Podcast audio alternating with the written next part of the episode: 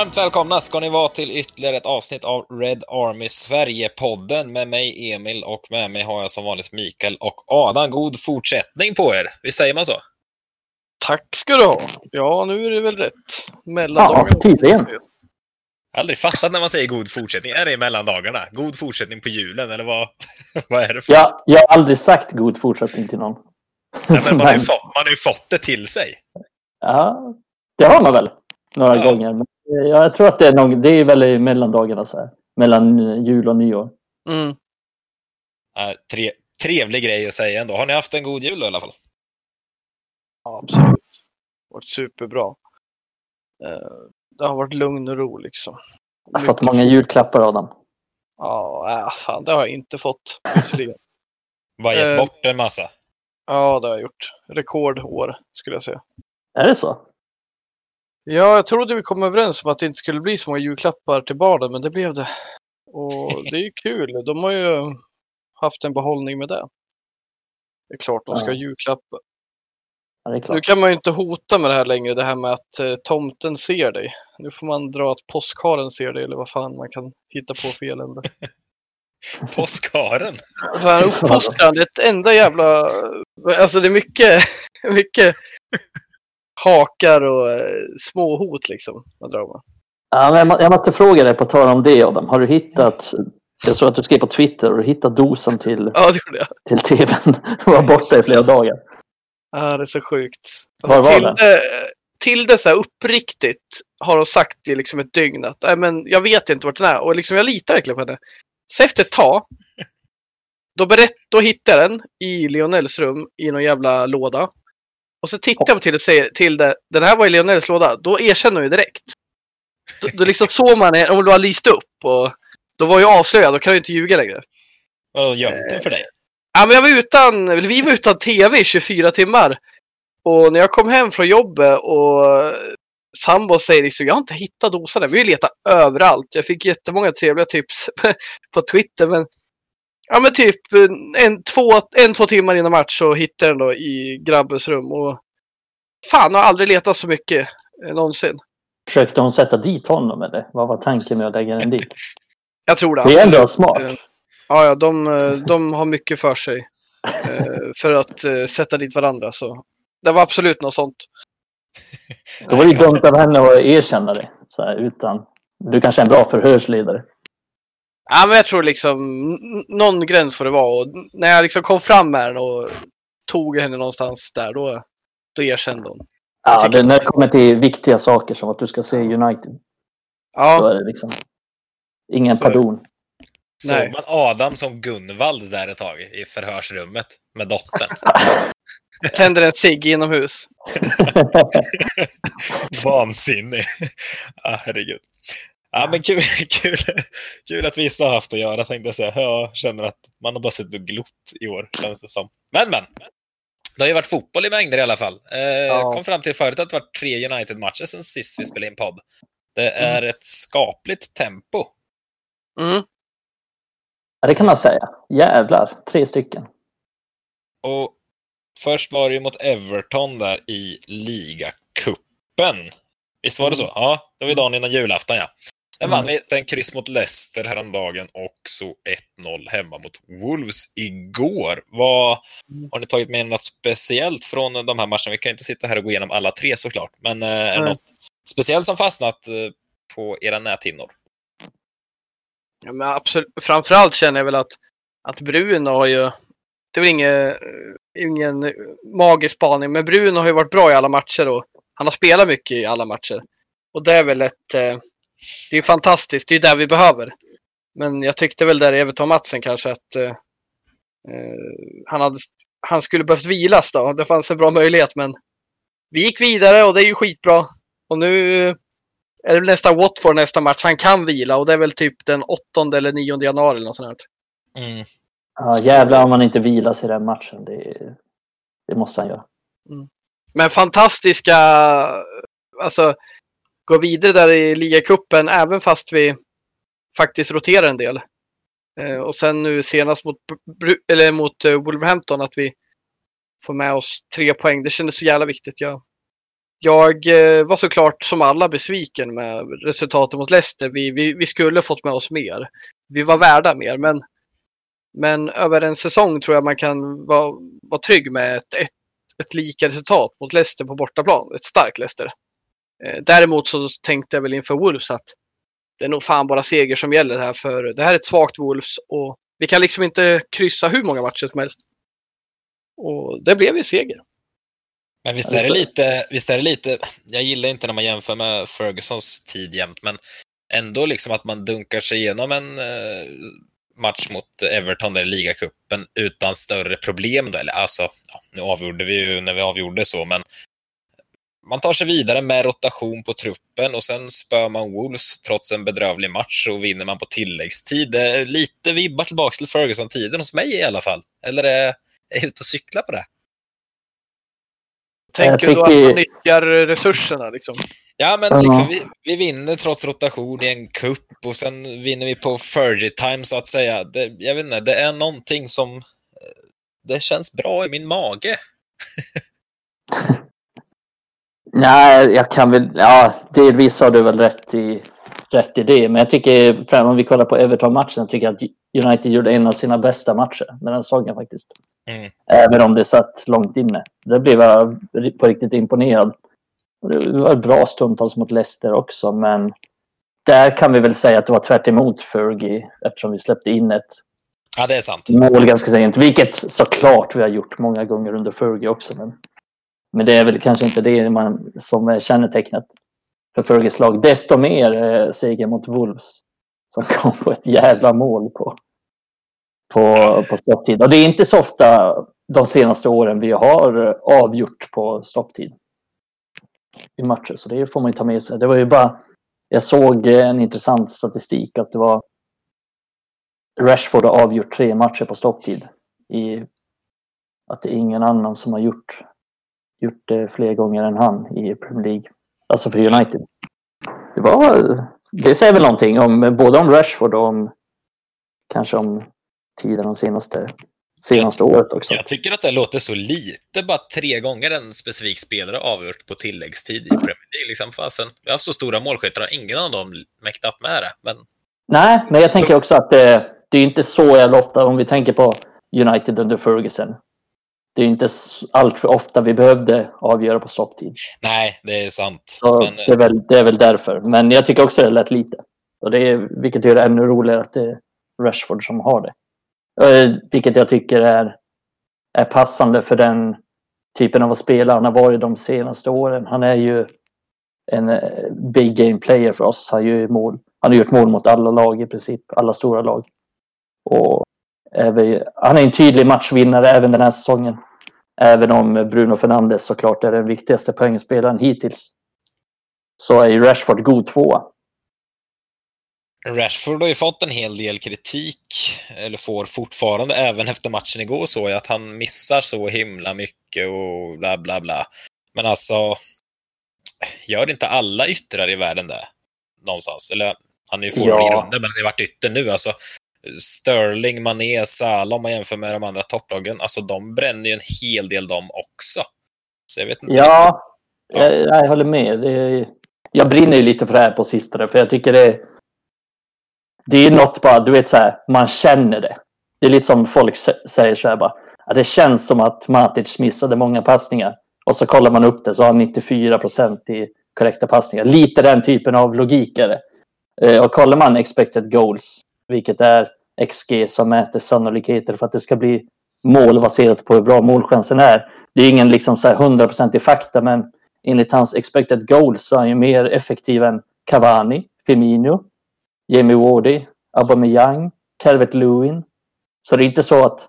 Ja, jag håller med om att Rashford, han är ju inte den största målskytten och ja, han missar ibland. Men det är inte så att... Jag tror att den här diskussionen finns hos alla lag. Jag tror att Liverpool-fans sitter och säger att fan vad han missar Mané alltså. Mm. Han är bra, men fan vad han missar. Jag tror att alla sitter och säger det någonstans. Så, jag vet, det finns någon så här orealistisk förväntning om att, om att anfallare ska göra mål på varenda målchans de har. Och kollar vi matchen mot Wolves så missar Bruno Fernandes en rätt stor målchans. Cavani också. Men det sägs inte lika mycket när de missar, tycker jag. Så det eh, ligger väl någonstans där och gror med Rashford. För det är, det är klart, han gör misstag ibland och han gör så här synliga, enkla misstag. Du vet, så här, han får dålig touch, tappar boll. Vilket, lite som Ronaldo var ibland, tycker jag. Lite så här slarvig. Men han gör så mycket nytta också som väger upp. Men jag känner ju någonstans, alltså hellre har jag en spelare som liksom tagit sig fram till tio tydliga målchanser och sätter fem av dem, än en spelare som tagit sig fram till fem målchanser och sätter fem av dem. Alltså, hellre att han bränner en del, för då finns det ju mer att ta av. Det hade ju inte känts bra om, eller känts bra, men alltså om Rashford hade satt precis varenda liten chans han får, då hade det Alltså, förstår du vad jag menar? Ja. Nu kommer ja, men... det ytterligare, så det finns ytterligare höjd att ta av med andra ord nu. Ja, men verkligen. Och det var ju en sån här grej. Kommer när Ruth van Nistelrooy var United? Han var ju en sån som gjorde mål på det mesta, men United fick ju, eller han fick ganska mycket kritik för att när, när han spelade liksom och det spelet United hade när han var i United, det var för dåligt spel. För att han bidrog inte med någon flärd eller liksom så här dribblingar som Rashford gör. Vilket gjorde att spelet blev ganska stadigt. Hela går på avslut. Han vill hela tiden försöka skapa någonting. Och sen eh, är det också att han spelar inte striker. Han är inte central. Vilket betyder att han... Jag tycker inte att man kan förvänta sig att han som ytterforward ska göra mål på precis allting. Och det är klart, hans roll är ju delvis att göra mål. Men jag tycker att United, till exempel igår, då, är, då ser jag mer att det är Cavanis roll att göra mål än, än Rashfords. Och jag ser mer kanske i framtiden att jag tänker mig Mason Greenwood spelar centralt. Då ser jag mer att det är hans roll att göra mål. Och det är klart Rashford ska bidra med det också, men jag ser honom som ganska mycket mer än så. Han är framspelare, han är spelfördelare. Till exempel igår tycker jag att han, han var, tog en lite position längre ner och bidrog med mer så här spelfördelaregenskaper. Så han har ju han har lite andra roller också som man kan bidra med. Jag hade ju haft enklare att förankra mig med den här kritiken om det var så att eh, ja, men Rashford bara gjort två mål och ett enda assist den här säsongen. Spelar varje match och, och missar mycket liksom. Och det gör han. Han missar en del och han, han skapar anledning till att eh, man lyfter på ögonbrynen och blir sur en stund. Men liksom, det finns ju ingen idé att kritisera, så det är klart man kan hoppas på att han utvecklas. Men jämför man då kanske med Martial den här säsongen inledningsvis. Han har ju inte haft tillräckligt bra eh, statistik i Premier League. I Champions League har det varit bra, men i Premier League har man önskat mer. I det jag kan köpa att folk vill att han ska utveckla om man har den för förväntan att han ska bli en ny Ronaldo eller vad fan det är. Eh, men inte se, han, han är en av våra bästa poängspelare i säsongen. Det är bara Bruno, men Bruno är överjävlig nu liksom. Så det, jag, jag har jättesvårt att fatta varför man ens lägger fokus på det. Eh, nu då. Men, men det är ju så, han har ju fått kritik mycket genom åren och det, han har ju alltid varit i fokus. Eh, även sen Mourinho kom och sådär. Mm. Man får ändå eh, komma ihåg att det, det är väl typ bara den andra säsongen han är riktigt ordinarie. Alltså det är förra säsongen var han helt ordinarie och sen den här säsongen. Men innan så har ju Mourinho till exempel hade ju honom på bänken långa stunder. Och han har inte riktigt varit helt given eller helt utvecklas med det. Och jag har anledning till att inte kommer bli bättre på allt. Det är ju mycket, mycket av hans svagheter. är ju lite av en mognad. Men jag tror att han... han... Vägen här. Nu är han liksom iskall och ska sågas. Jag vet inte riktigt. Men när det kommer världens bästa spelare mm. om ett år och sen försvinner de för sen skapar inte de chanser och liksom. Men Rashford har ju bibehållit någonting. Han skapar hela, hela, hela tiden och det är den största styrkan tänker jag. Ja, precis, och det är lite det XG försöker mäta också för att för det är, det är tanken att sånt jämnar ut sig över säsongen och det är bra exempel du tar på unga spelare som kommer upp och så gör de mål, tre mål på tre chanser. Makeda är ett bra exempel för han gjorde ju precis det. Jag tror han, någon sköt på honom att det blev mål också. Ett av hans inhopp. Vill jag minnas för några år sedan. Och Adnan Januzaj var lite samma sak också. Även om han aldrig, han, är, han var ju mittfältare. Liksom. Han var ju aldrig målskytt på något sätt och är inte nu heller. Men han gjorde ju också lite det. Han kom in och så satte han allting. Så kom, helt kom, Kommer ni ihåg Johan Oremo? Jag vet inte varför jag kommer på att tänka på honom. Han kom upp i Djurgården och stängt in en massa bollar den höst. Skulle med till EM, hävdade folk. Och sen, och sen bara försvann han. Det var också en sån. Han hade bara en period där han satte precis allting. Och sen, men det finns inte i grund och botten. Men det gör det verkligen hos Rashford. Så jag vet inte, jag tycker diskussionen blir lite skev. Det stora bekymret i United i höst har ju varit att spelet, spelmodellen inte finns där. Men så liksom mm. börjar folk rikta in sig på att Marcus Rashford, som har varit topp två bästa spelare, att det är ett stort bekymmer. Jag vet det är ett jävla skevt fokus, jag håller med. Det är svårt att relatera till. Och jag tycker också lite samma personer tycker att United bränner mycket chanser. Vilket jag inte heller tycker. Och vilket inte heller statistiken visar. United bränner inte särskilt mycket chanser. Snarare tvärtom, att man är ett av de mest effektiva lagen i ligan faktiskt. Eh, vill man kolla på brända chanser kan man kolla på Manchester City eller någonting. Ja. Men United bränner inte särskilt mycket chanser. Ja, nej, det, det, har blivit skevt där. Men eh, på tal om Rashford, och du nämnde Bruno där förut också. Eh, jag formulerar en liten frågeställning här som jag tänkte, alltså Bruno och i viss mån Rashford. Bruno har varit en jäkla supergaranti här sen han kom. Han levererar ju match efter match. Och Rashford här på slutet känns också som någon form av garanti. Men ah, har ni någon annan spelare i truppen som ni känner så här, ja, den här killen ställer vi ut på banan, vi är helt säkra med vad vi får. Det känns som, jag är lite oroad att det är de enda två vi vet vad vi får av. Maguire har varit stabil på slutet, men innan det var det rätt så flaxigt. Eh, Fred och McTominay har varit bra på slutet, men jag vet inte om jag är helt trygg i där heller. Eh, har vi för få garantispelare i truppen om jag formulerar mig så? Att vi får liksom en högklassig insats av, eller? Ja, men typ så. Alltså Bruno, vi vet, igår tyckte inte jag att Bruno var helt fantastisk, men ändå gör han det helt okej okay, och han är helt avgörande med nazister i slutet ändå. Rashford lika så som ändå gör målet till slut. De två vet vi vad vi får av någonstans, mm. match efter match nästan.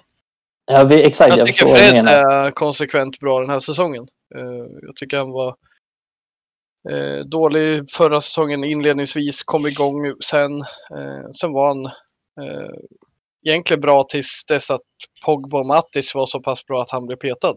Men han vet jag vad jag får av i alla fall. Jag tycker vi saknar mycket av hans... Det jag anser var förra säsongen var Matic den bästa på att involvera Pogba, tänkte jag säga, Bruno. Eh, tidigt i vår uppspelsfas. Eh, det tycker jag inte alls har varit bra på den här säsongen. Eh, han har inte varit särskilt bra alls Matic, även fast jag tror han kan komma igång. Men Fred har varit bra. Och det är en spelare som jag, jag vet vad jag får av honom. Jag vet vad jag får av Shaw med. Det är en solid spelare defensivt, men en dålig spelare offensivt. Men typ som igår så var det fantastiskt smart av honom, Solskär, att ta in Shaw, för han var bra i när Wolves ställde om så var han den som neutraliserade heter det, Traoré. Det var inget som Telles kan göra och kommer göra.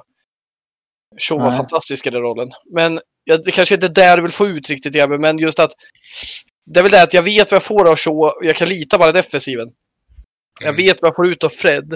Men däremot, jag, jag har svårt att se konsekvens från McTominay idag, eh, Pogba idag, eh, Martial idag, Greenwood idag.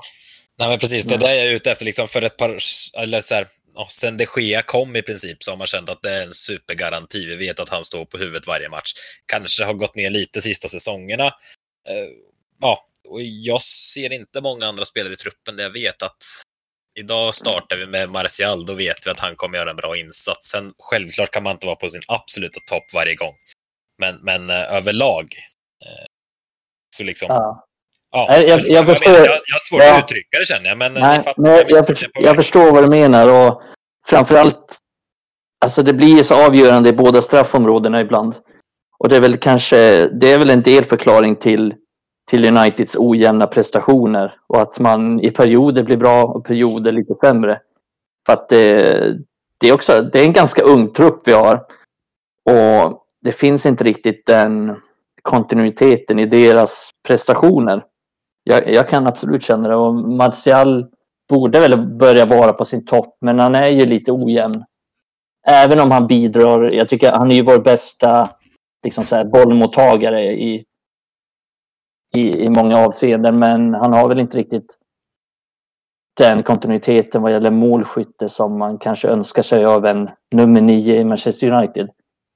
Den som kanske Cavani har på ett annat sätt, även om Cavani var rätt så dålig mot Wolves faktiskt. Ja, det var synd faktiskt.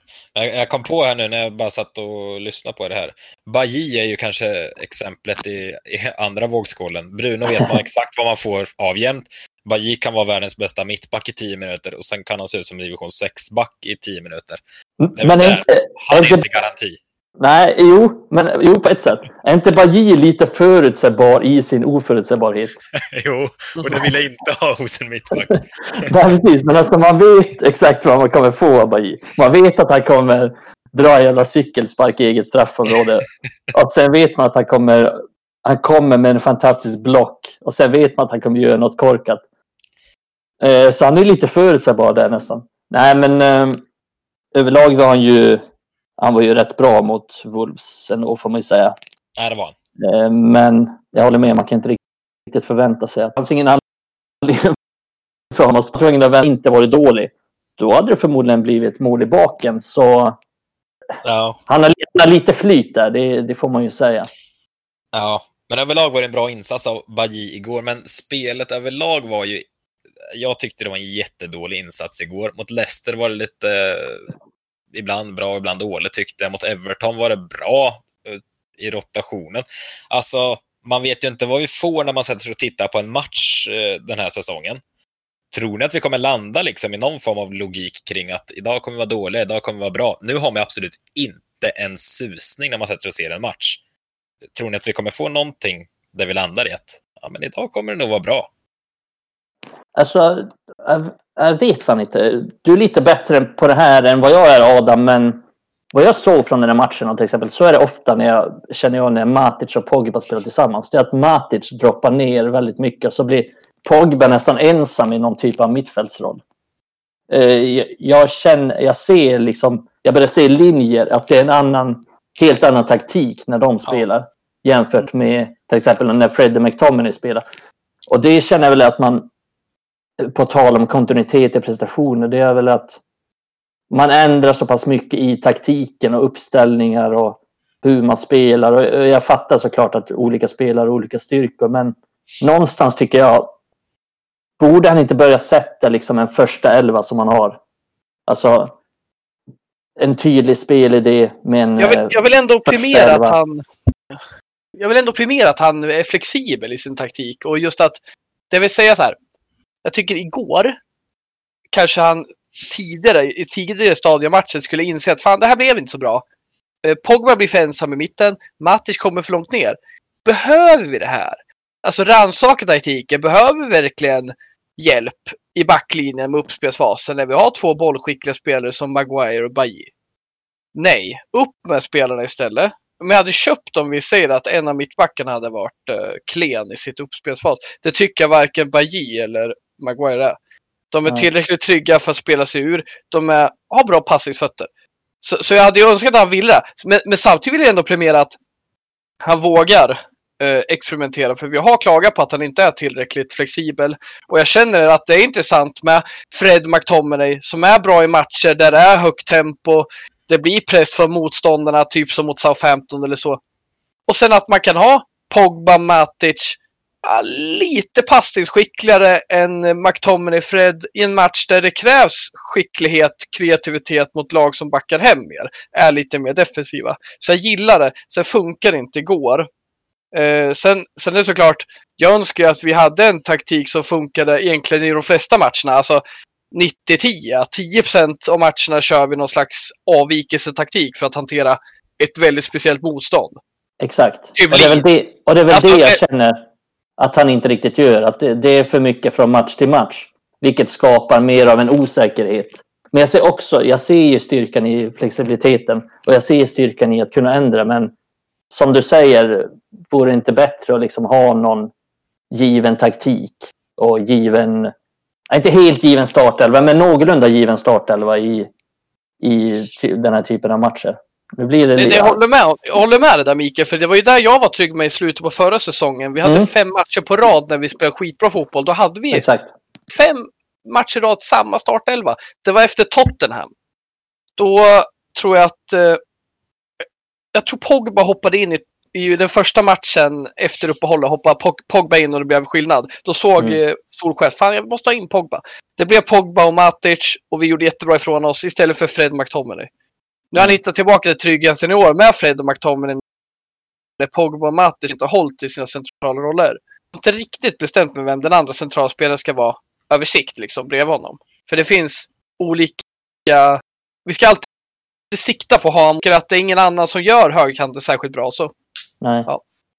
Nej, men det är på tal om det, på tal om högerkanten, är som att vi verkligen bara skit i högerkanten.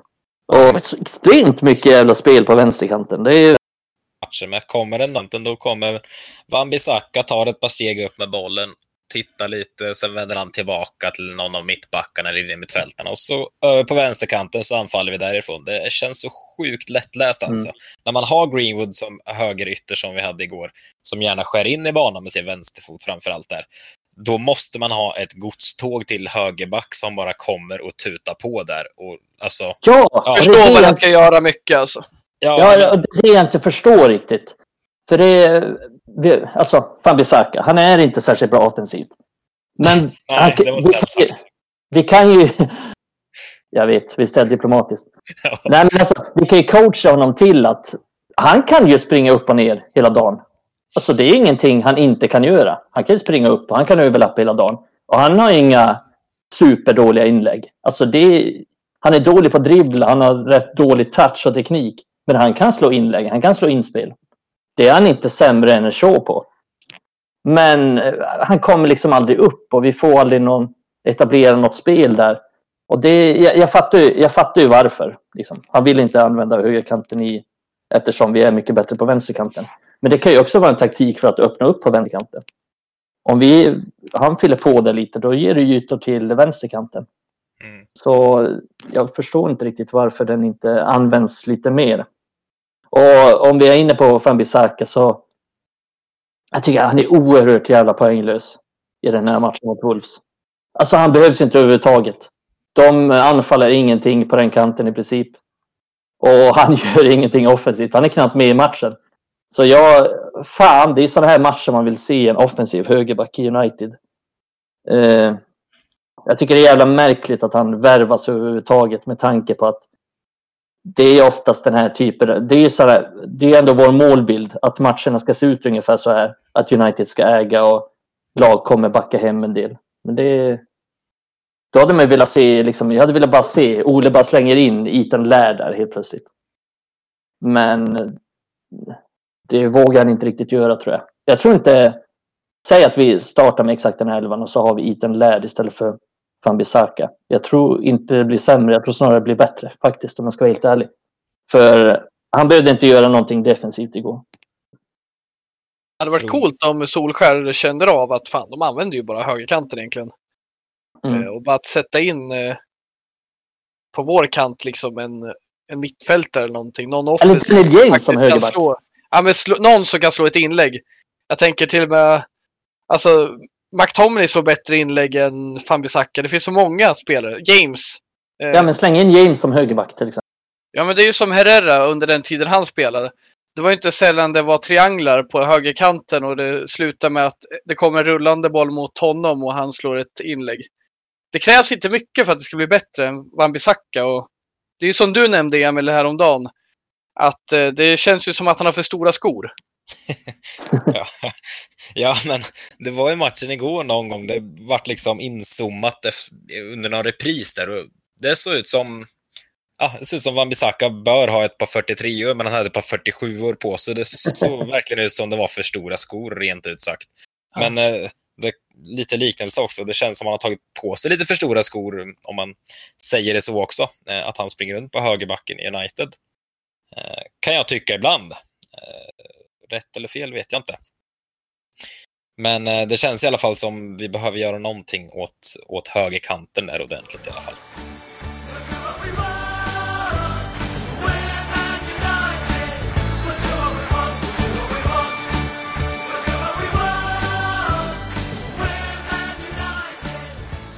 På tal om Erik Bajy vi snackade om nyss. Han, eh, han var ju riktigt bra sist mot Wolves.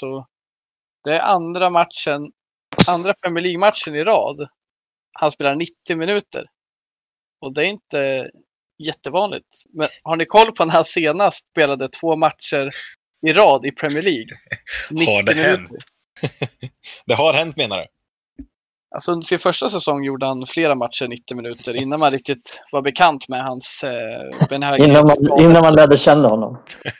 ja, innan han började spåra ur liksom. Eh, men eh, senast alltså. Han gjorde de två första matcherna säsongen 18-19. Då spelade han mot Leicester och Brighton 90 minuter. Vad hände och, sen då? Ja, sen blev han bänkad mot Spurs så det kan vara att vi förlorade mot Brighton och släppte in tre mål. Det var väl ingen höjda match tydligen. Eh, det är väl inget vi behöver påminna varandra Ja, man behöver inte bli påmind om det, men det är intressant att se liksom. Jag tittade upp det idag, för jag hade en känning att det här var fan länge sedan han spelat två Premier League-matcher i rad. Eh, han har spelat mycket kupper och så, det har han. Men i Premier League, det är fan länge sedan alltså. Det var inte förra säsongen, det var säsongen innan som han senast spelade två 90 minuters matcher i rad. Och det var säsongens första matcher. Säger en del om tillgängligheten på våra mittbackar. Ja, Bara Maguire och Lindelöf som är pålitliga ur skadesynpunkt. Ja, absolut. Ja, verkligen. Men eh, vi ligger trots allt tvåa nu i ligan. Eh, trots allt säga, för det har ju varit berg och dalbana så det skriker om det här under hösten. Eh, men vi ligger tvåa nu. Just nu när vi spelar in det här är vi två poäng bakom Liverpool, va? Eh, men då spelar de eh, alldeles strax här. Och vi gissar väl att de vinner kanske.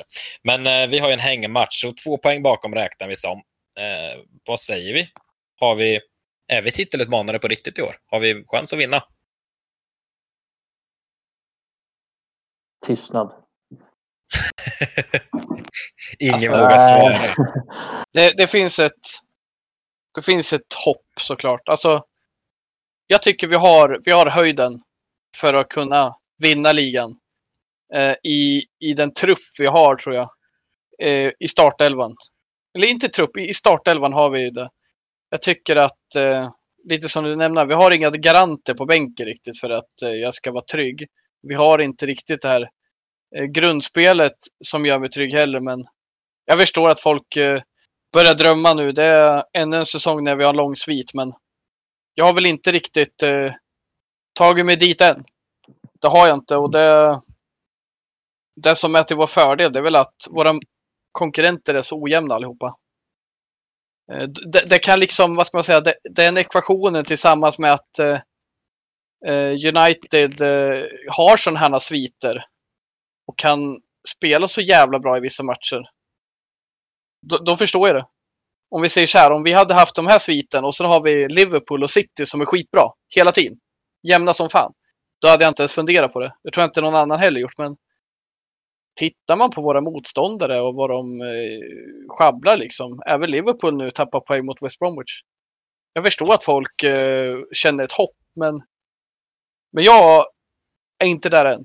Jag inte, jag, som jag nämnde nyligen, eh, då har det gått tre matcher sedan dess, men till exempel är Fambi Saka borta. Han är, han är inte tillräckligt bra. Men där vi har för dåligt alternativ till höger. Eh, vi säger att vi har Lindelöf som ersättare till höger en stund. Så har vi Toansebe och Bajy då som mittbackar istället. Och de, de är skadade för ofta. Jag känner inte att vi är där än. Jag gör inte. Jag vet inte riktigt om jag håller med riktigt för att jag tycker fan att vi har truppen. Om vi kollar till exempel mot Leicester så har vi, alltså de vi byter in är Pogba, Tuansebe och Cavani. Vi slänger in dem från bänken. Hur många lag har bättre att slänga in än de spelarna. Och då lämnade vi ändå kvar Mason Greenwood på bänken. Alex Tejes, van der Beek, Matic och så vidare och så vidare.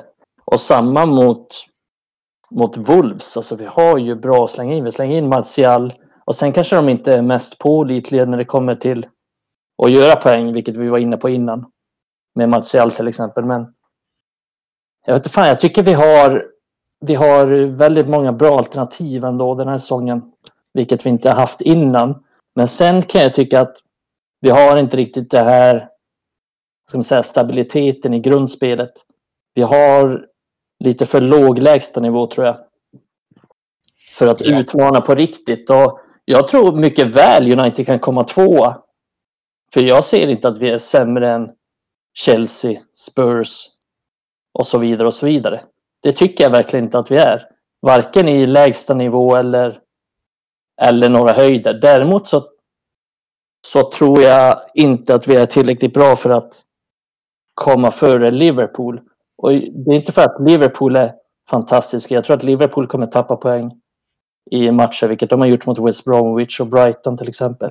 Förlora stort mot Aston Villa. Så de är inte lika bra som förra säsongen. Men jag tror att de är lite stabilare i grunden. Tyvärr. Men jag tror att United kan komma tvåa. Vilket är en förbättring. Men jag håller med dig där Mikael i stora delar. Alltså, I min bok så har inte vi mycket sämre trupp än Liverpool och bredden tycker jag i vissa delar nästan att vi har större bredd alltså. Men de har ingen högerback att slänga in. Vi sa, Adam sa att Van Bissaka är, är vår enda högerback, vilket är sant. Vi är jävligt tunna där. Men de har inte heller någon direkt att slänga in på högerbacken. Alltså de slänger väl in kanske James Milner eller någonting som Ja, men precis. Förut de. Joe Gomez har ju fått gå ut och vikariera där innan han blev skadad och som du säger Milner och alltså jag vet inte, jag tycker nästan vi har bättre bredd än Liverpool någonstans. Skillnaden Ja, de har där, inga mittbackar heller. nej, nej, men skillnaden där är att Liverpool Klopp har gjort dem till ett självspelande piano, så även om de plockar in någon junior eller någon eh, nisse man aldrig talas om, så de är ett självspelande piano, så de gubbarna kommer in i det här kollektivet och det är så lätt för dem att liksom bara flyta med och göra det ganska bra. Där är inte Mm. United än tyvärr, utan nu är det ja, men som van de Beek när han kommer in här nu. Det, det blir svårt för honom. Han kommer inte till sin rätt för spelet är inte det här självspelande pianot som Liverpool är. Det ser jag som det största problemet snarare än att vi har för tunn eller för svag trupp egentligen. Jag tror vi kommer kunna fortsätta ta de här segrarna vi gör med Fambisaka, Shaw, Maguire och Lindelöf. Eh, men att när vi är utan Lindelöf och vi har Bajy så kan han göra en platt match. Är vi utan Fambisaka då kanske vi måste ha Williams eller Tuansebe eller Lindelöf som högerback. Det är det som är skillnaden. Liverpool, jag förstår ju vad ni är ute med. Det handlar ju om liksom vad, vad, vad kan vi göra med materialet? Att Liverpool kan spela Rhys Williams som mittback och det inte märks egentligen. Eh, det handlar ju om deras struktur. Jag tror inte att... Jag tror inte att vi... Jag kan inte liksom betta på att United vinner ligan med med de spelarna. Om, om det är så nu att Lindelöf går sönder och Fambisaka går sönder och vi ska köra med Bajy och Tuansebe. Det ser jag att Liverpool kan göra. Jag tror, jag tror, jag tror det, Van, Van Dijk är ett jättestort tapp för dem. Men de har uppenbarligen visat att eh, de inte faller med det. Men United faller med Bruno till exempel utan honom. Det är därför han inte får vila mot Everton. Och den nämnde jag också nyligen. Jag tror att Bruno och Van, Van Bissaka, de spelarna vi inte kan ersätta idag. Och handlar det om att vi, vi har dåliga alternativ? Delvis, för det handlar också om att eh, vi är beroende av de här spelarna. Men å andra sidan tänker jag att alltså, Så här, jag tycker Lindelöf ändå gjorde en okej match mot Leicester. Jag tycker faktiskt han var bra mycket aggressivare än jag brukar se AVB.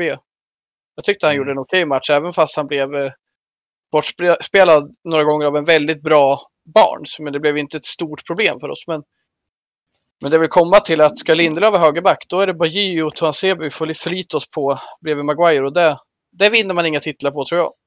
Nej, men som Ja, men- nämnde, att Bruno är, inte går att ersätta. Alltså egentligen så har vi Pogba, vi har van de Beek. Båda de skulle absolut kunna gå in och spela där. Eh, Alltså det är två riktigt bra fotbollsspelare i grund och botten. Så egentligen bör han gå att ersätta om han går sönder. Sen köper jag, det kommer inte gå. Men alltså jag Nej, men tycker någonstans så. ersättarna finns där. så. Nej, men precis. Ja, alltså, i, i, jag, jag, tror, jag tror jag vet vad du menar. Att det finns såklart mer att hämta ut av dem. Men vi är ligans bästa lag och vi har ligans bästa spelare 2020 med Bruno. Vi har tagit flest poäng 2020 med Bruno. Vi har en spelare som är överlägset bäst. Han har varit det. De Bruyne har samma kapacitet kan vi säga. Om vi ska Mm. jämföra så. Jag tycker det, de, är, de är likvärdiga. Men Bruno har varit bättre 2020. Och det är skillnaden. Och jag tror att vi hade legat på sjätte plats nu. Utan Bruno. Och då Ja, är jag snäll. Ja, det, men, där men är det till, det är den lilla skillnaden. Och jag säger så här, Mm. kan Bruno spela och han kan köra 90 minuter hela säsongen. Då ser jag fan i mig att vad som helst kan hända. Han är helt fantastisk och han får, han får ett underverk av spelare som Martial eh, och Rashford. När, han, han har fick Martial att komma igång förra säsongen. Han har fått Rash, Rashford att utvecklas. Men eh, är vi utan han i fem matcher, då har jag svårt att se att vi ska kunna vara med i en titelstrid. Liksom. ja, men, Det räcker med fem matcher. Ja, men jag, jag är helt inne på vad du menar, men jag tror att vi är ute efter lite olika saker. För jag tänker så att Liverpool är ett systemlag. De slänger in en spelare, jag vet inte ens vad de heter. Och de gör... De har samma roll som den som man ersätter. Och speciellt har de så på mittfältet där de har liksom tio spelare som kan göra exakt samma sak. Men vi har inte riktigt det. Vi ändrar för mycket. Om vi tar ut Bruno och slänger in van de Beek. De är helt olika typer och vi ändrar spelet helt när van de Beek kommer in. Vi spelar inte på samma sätt. Och det tänkte jag på när Shaw spelar och när Teje spelar. När Teje spelar, då får han bollen, så vispar han in inlägg till ingen alls. Eh, antagligen så vispar han in inlägg för att han har en bra inläggsfot. Men vi spelar inte riktigt på det sättet där vi är särskilt bra i boxen på inlägg och inspel. Sen kommer Shaw in och han gör inte alls så. Förstår ni vad jag försöker komma till? Mm. Att vi, är liksom, vi spelar inte på samma sätt som de gör. De har den här grundtryggheten, vilket gör att de kan, de kan byta in lite spelare, för de spelar ändå på samma sätt.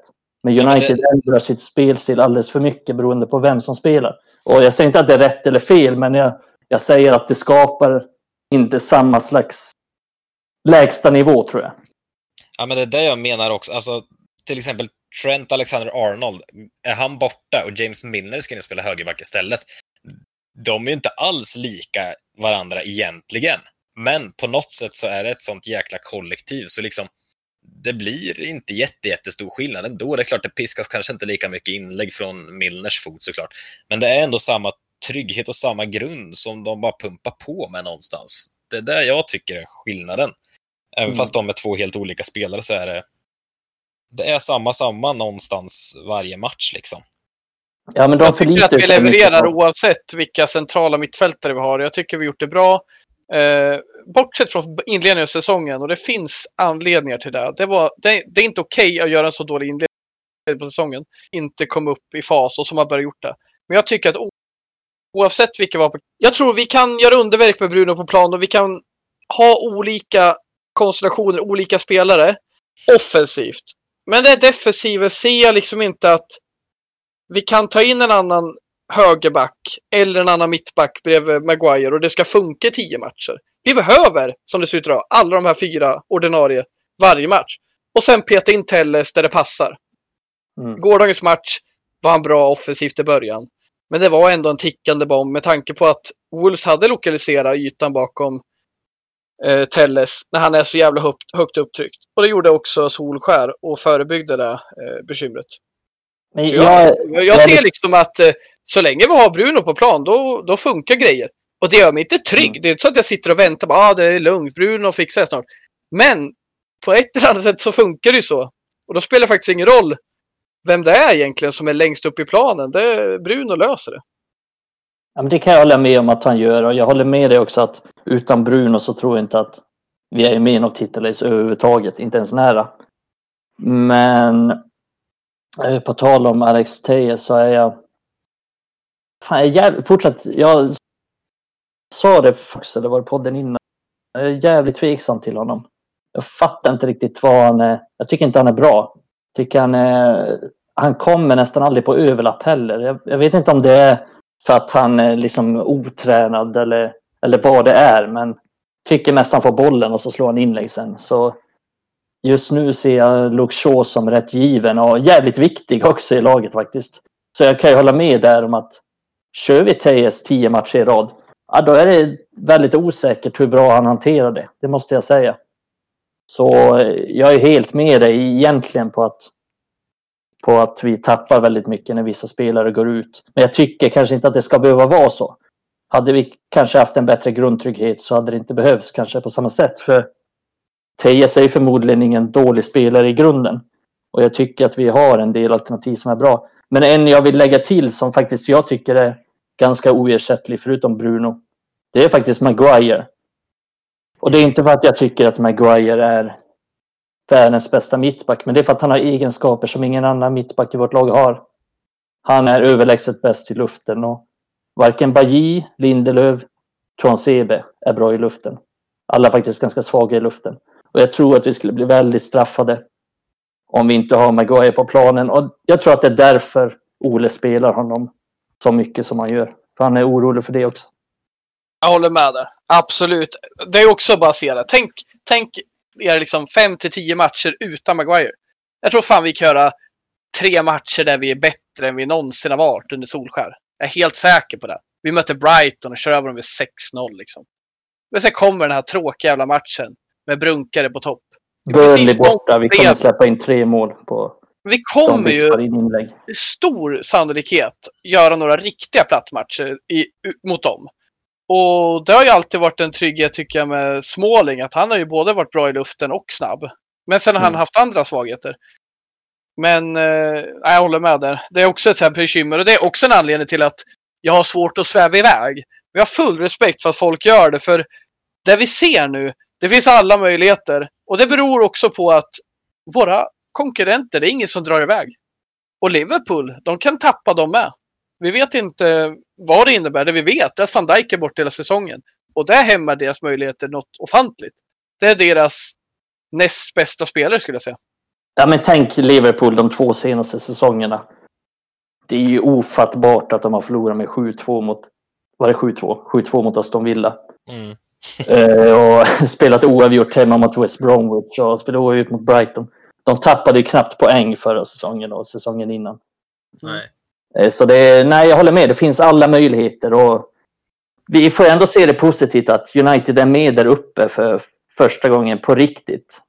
Ja, hur fint och, är det inte att man, man får drömma lite? Man får drömma lite och det... Ja, ja vi, vi kan ju säga så här. Vi kom två under Mourinho, men vi var inte nära på Nej, precis. att någon titelstrid eller så. Alltså oavsett hur realistiskt man uh, tror att det är nu att vi ska gå hela vägen, men det går faktiskt. Det är ändå en realistisk dröm det här, att det ska kunna gå och stå där i maj. Och det trodde jag inte för ett par månader sedan, det ska jag väl villigt erkänna. Men eh, nej, äh, det är sjukt kul att vi är med i toppen igen på riktigt någonstans. Eh, nästa match ska vi gå in lite på. Eh, först ska vi fira nyår och sen är det pang på rödbetan direkt när vi tar emot Aston Villa hemma. Eh, och det är eh, sista matchen kan man säga i det här extremt hektiska spelschemat. Sen lugnar det ner sig ett par veckor i alla fall. Eh, men vad har vi att säga om eh, inför Aston Villa? Det, det är lite läskig match, va? De har ju de har rosat marknaden ganska duktigt, Aston Villa. De är starka i år. Eh, det, det är lite natt och dag mot det vi såg förra året, när de kämpade i nedflyttningsstrid. Och det har vi sett så stora skillnader i år, utöver en del intressanta värvningar som Matty Cash, eh, Ollie Watkins, som såklart eh, fått uppmärksamhet för deras insatser. Så så de genomled ju en hel del tuffa, långa skadeavbräck under våren förra året. De gjorde ju jättelite mål och såg ju länge ut att åka ut. Eh, var ett väldigt svagt lag, men utan spelare som Wesley, utan spelare som John McGinn och Tom Heaton eh, så har det varit problem och de har ju fladdrat mycket med sina målvakter.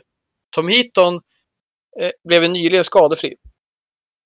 Men den här säsongen har de ju sl eh, sluppit eh, rotera med norrmän och spanjorer och annat eh, ohängt folk.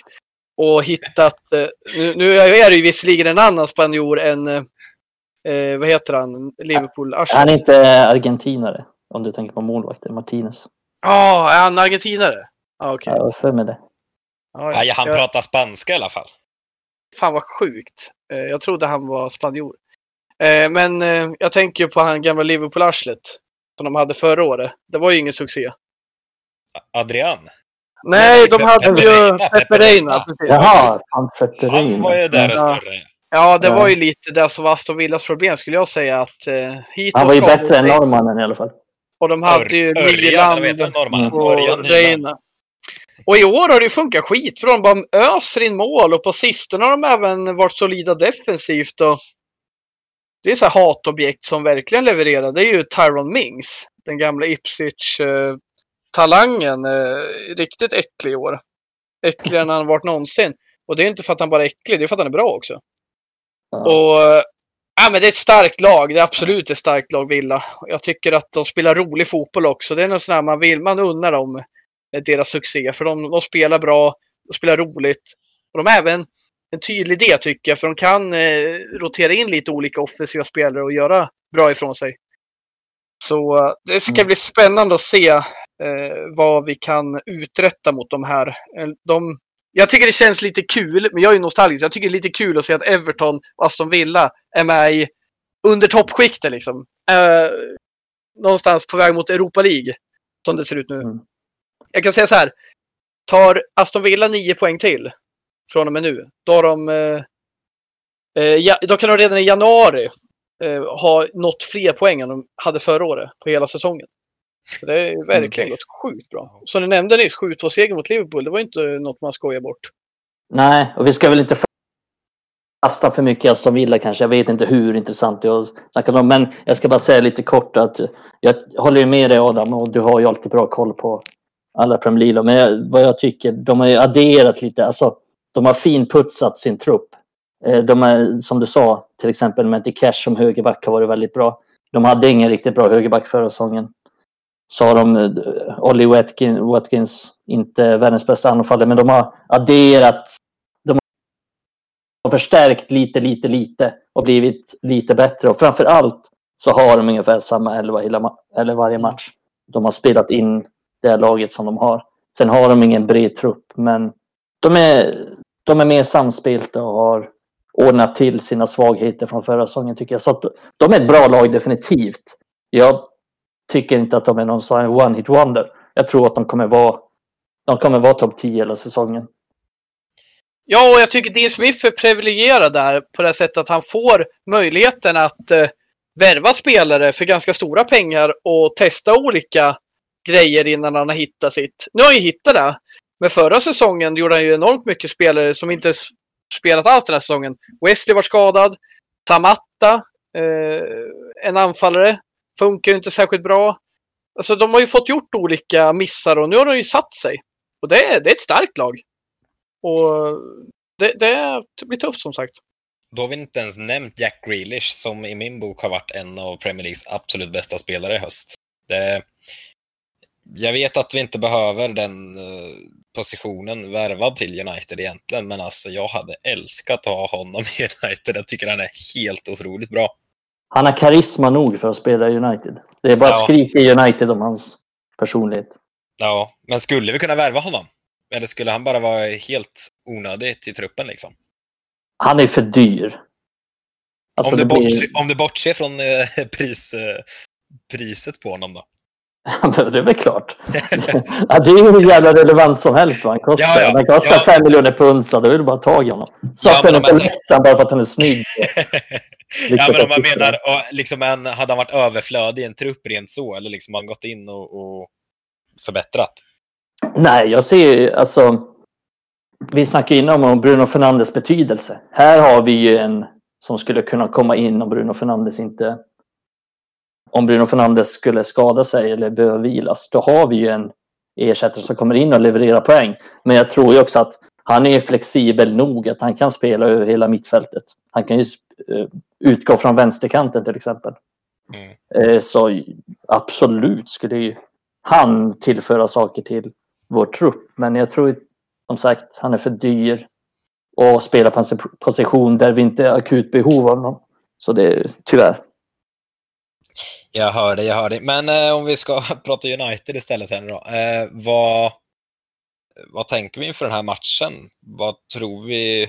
Snurrar han tillbaka och kör McTominay Fred på mitten? Eh, vad tror vi om startelva och så vidare? Jag tycker absolut de ska göra det. Det kommer vara ganska mycket. Det kommer vara lite dueller och det kommer vara en del eh, tempo på mitten. Det kommer inte vara ett lag som bara backar hem och bara. De kommer försöka spela lite mer än Wolves gör. Och försöka ta sig igenom planen lite mer längs marken än vad Wolves gör. Och jag, jag eh, tror att eh, Fred och McTominay behövs mot McGinn och Louise på deras eh, centrala mittfält. Eh, jag tror att eh, det är dags att köra in dem igen. Jag har saknat Fred där. Jag tror McTominay skulle kunna göra en bra match den här eh, matchbilden. Jag, jag, tror ju nästan att det är det som är tanken också. Att han tänker, han spelar Pogba och Matic mot Wolves. Sen sätter han in Fred och McTominay mot Aston Villa. Mm. Eh, speciellt i den, här, i den här perioden där det är mycket matcher. Då planerar jag alltid för nästa match. Man har alltid nästa match i åtanke.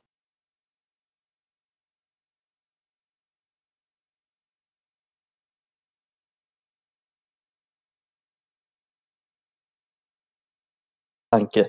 Framåt och Cavani var ganska iskall mot Wolves. Martial fick sitta stora delar av matchen. Känns som startar eh, högst upp igen, eller vilas. Ja, det är fan en lite intressant tanke som jag inte har reflekterat över. Det kan definitivt till vänster och Rashford vilas. Men jag tror inte det. Men där har vi ju ett truppbredd och jag tror faktiskt att man startar. Eh, Cavani var inte jättebra senast och Frågan är hur han är i alltså hans fysiska form för att starta igen. Jag, jag tror inte det. Men då kommer man att tänka på högerkanten. Ska Greenwood starta igen då? Han var ju inte kanon. Eller skickar han in James igen? Eller vad kan hända där? Bra fråga. Ja, jag sitter och tittar snett upp i taket här nu och bara funderar. Vem, lite. vem fasen ska spela? Ja, jag, jag kan säga vad jag vill i alla fall. Och det är jag vill att Greenwood ska starta. Jag, kan, ja, jag vill också det. Jag kan ja, se att eh, Rashford ska spela och sen får han vila mot Watford. Så gärna Rashford, eh, Cavani och Greenwood. Jag vill ge Cavani en match till. Men gör han en platt match då så tycker jag absolut det är värt att köra tillbaka Martial i startelvan. Men, men eh. tror du att han är liksom så fysiskt redo för det? Med tanke på hur tätt det här matchandet är. Och han är väl liksom... Eh, Cavani. För han är ju inte i fullt trim känns det som fortfarande faktiskt, om jag ska vara helt ärlig. Det känns som att han har lite mer att ge vad gäller sin fysik. Ja, nej men det, kan, det är en bra punkt. Det är såklart, han kan ha det tufft och han har ju nära till en muskelskada. Så, eh, det har i och för sig Marcel med, men det, han spelade ju inte på start förra säsongen, eller förra matchen.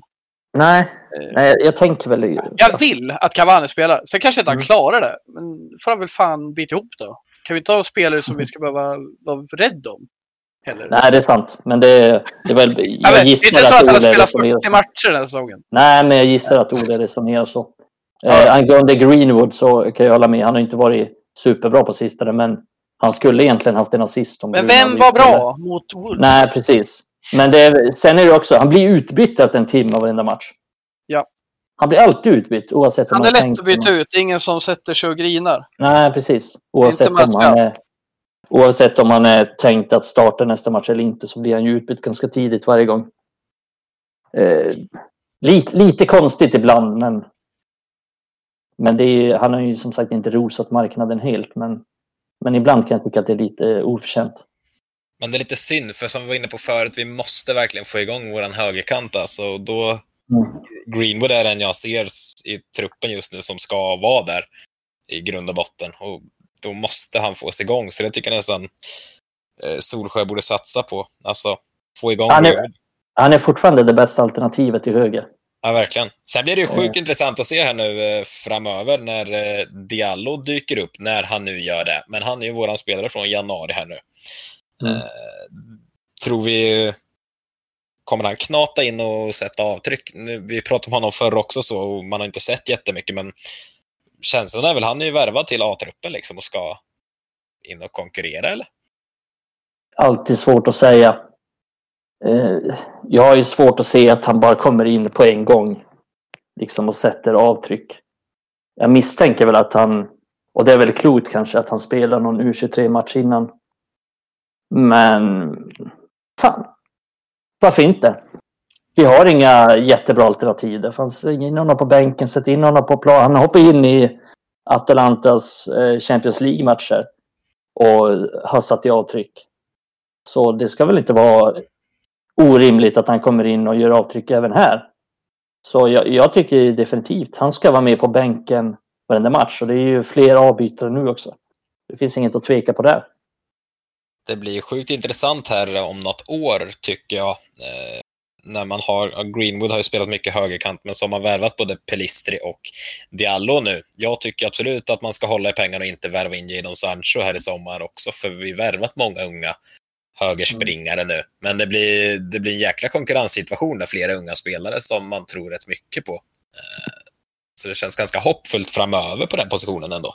Även om den har varit en problemposition så. Ja, det blir intressant att se för det är ju som du säger, Sancho värvades ju aldrig. Och frågan är om man verkligen kommer gå för honom igen.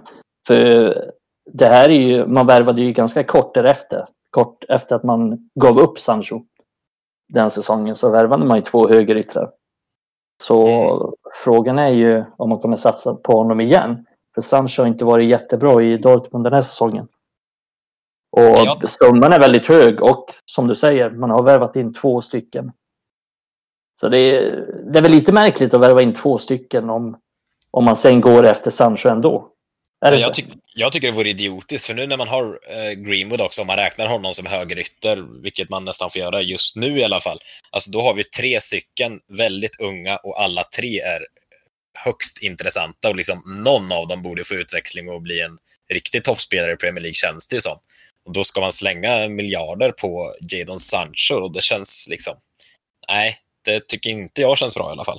Då, vill ja, det, det... Man, då slänger jag hellre en miljard på Grealish, ärligt talat.